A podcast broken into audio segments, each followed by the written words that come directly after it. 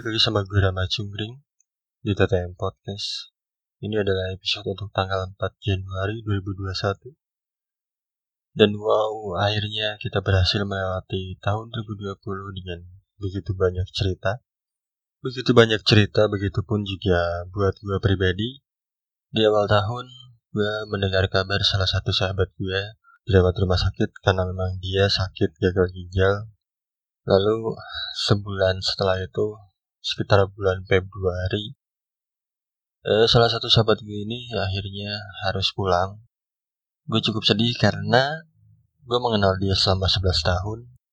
Titik terendah gue pun juga bareng-bareng sama dia, dia ada sama gue.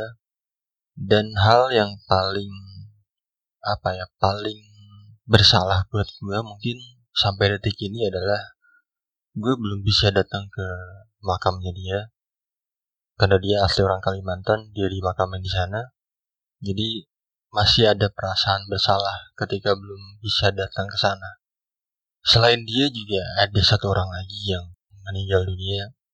Dan dia juga sama salah satu teman gue yang udah gue kenal lama. Dia sakit diabetes. Ditambah saat itu dia uh, penderita covid juga. Positif covid dan lagi-lagi karena protokol saat itu memang tidak bisa bahkan mungkin sampai sekarang kita nggak bisa datang ke pemakaman yang terkena covid ya gue belum belum datang juga ke pemakamannya.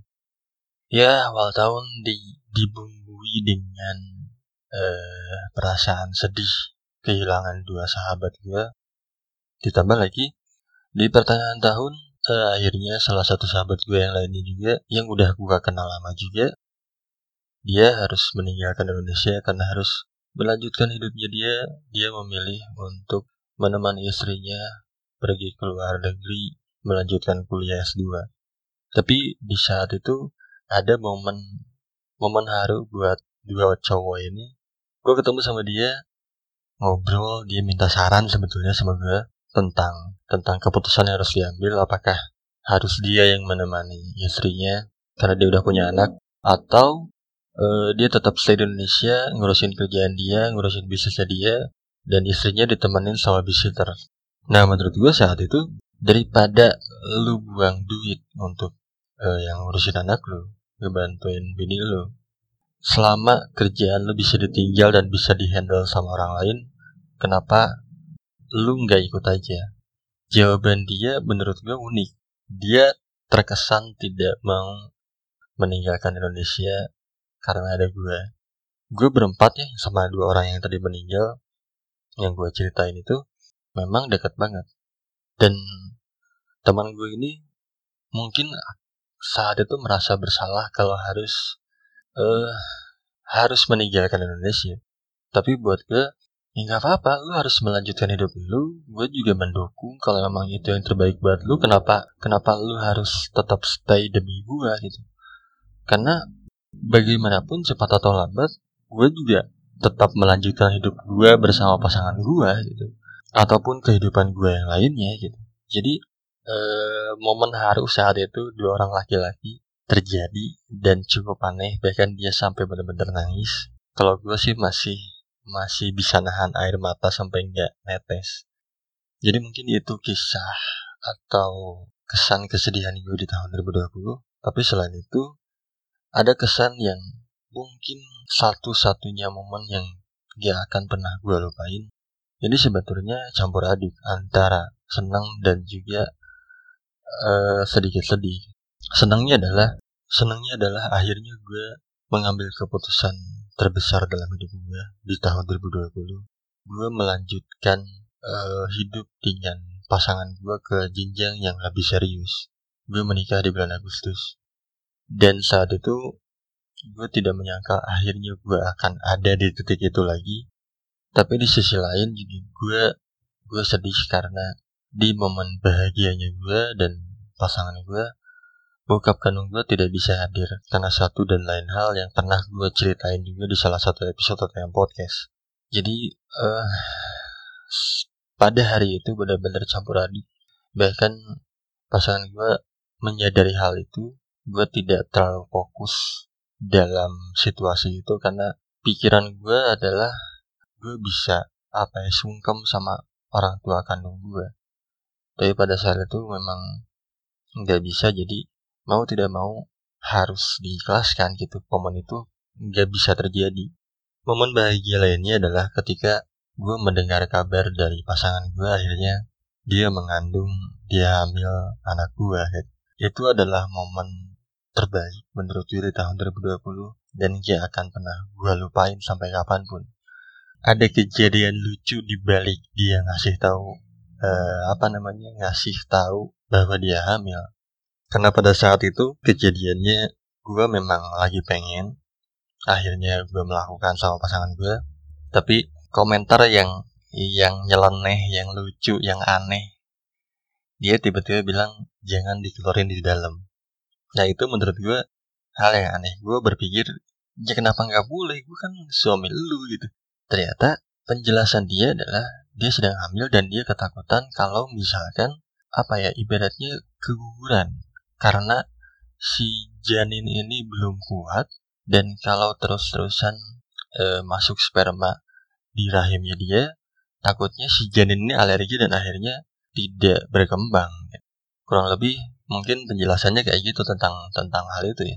Gue nggak tahu secara ilmu pastinya kedokteran tuh kayak gimana. Cuman penjelasan dari pasangan gue seperti itu karena memang pekerjaannya dia memang di situ dia bidan gitu jadi dia tahu.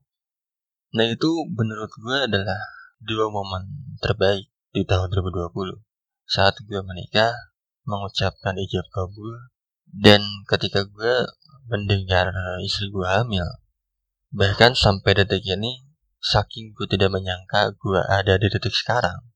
Gue tuh kadang-kadang masih berpikir wah gila ya gue akhirnya ada di detik sekarang. Gue punya pasangan yang memang menerima gue apa adanya. Gue udah ada dalam hubungan pernikahan gue cukup tidak menyangka akan hal itu. Karena track record gue tentang tentang pasangan cukup panjang. Beberapa kali gagal beberapa kali gak jadi. Makanya hal ini tuh bener-bener di luar dugaan gue. Tahun sebelumnya, bahkan gue pernah ngomong kalau mungkin gue tidak akan memikirkan masalah pernikahan untuk beberapa tahun ke depan. Tapi selang satu tahun itu, pernikahan itu terjadi dan itu adalah salah satu alasan kenapa gue tidak menyangka gue ada di titik yang sekarang gitu. Nah, gue nggak tahu apakah cerita lu sebahagia kayak gue atau ya lu mungkin punya pengalaman yang sama tentang kesedihan tentang ditinggalkan tentang kehilangan. Tapi yang jelas di tahun 2021 kita harus bangkit lagi. Kita harus melangkah lagi. Terlebih untuk para pelaku konten.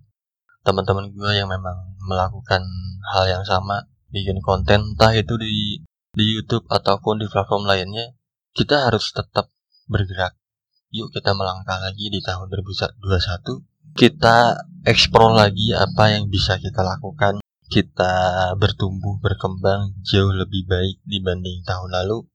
Dan semoga apa yang kita lakuin membuahkan hasil. Hasil di sini yang yang gue bicarain bukan tentang materi tapi impactnya jauh lebih daripada materi. Karena menurut gue ada hal yang lebih penting daripada materi ketika gue pernah mendengar apakah lebih baik impact atau viewers. Viewers banyak tapi nggak ada impact, ya sama aja bohong. Tapi walaupun viewers sedikit, impactnya memang gede banget, kenapa enggak kita lakuin? Tapi akan jauh lebih baik ketika dua-duanya itu angkanya besar gitu, impactnya juga besar dan viewersnya juga besar.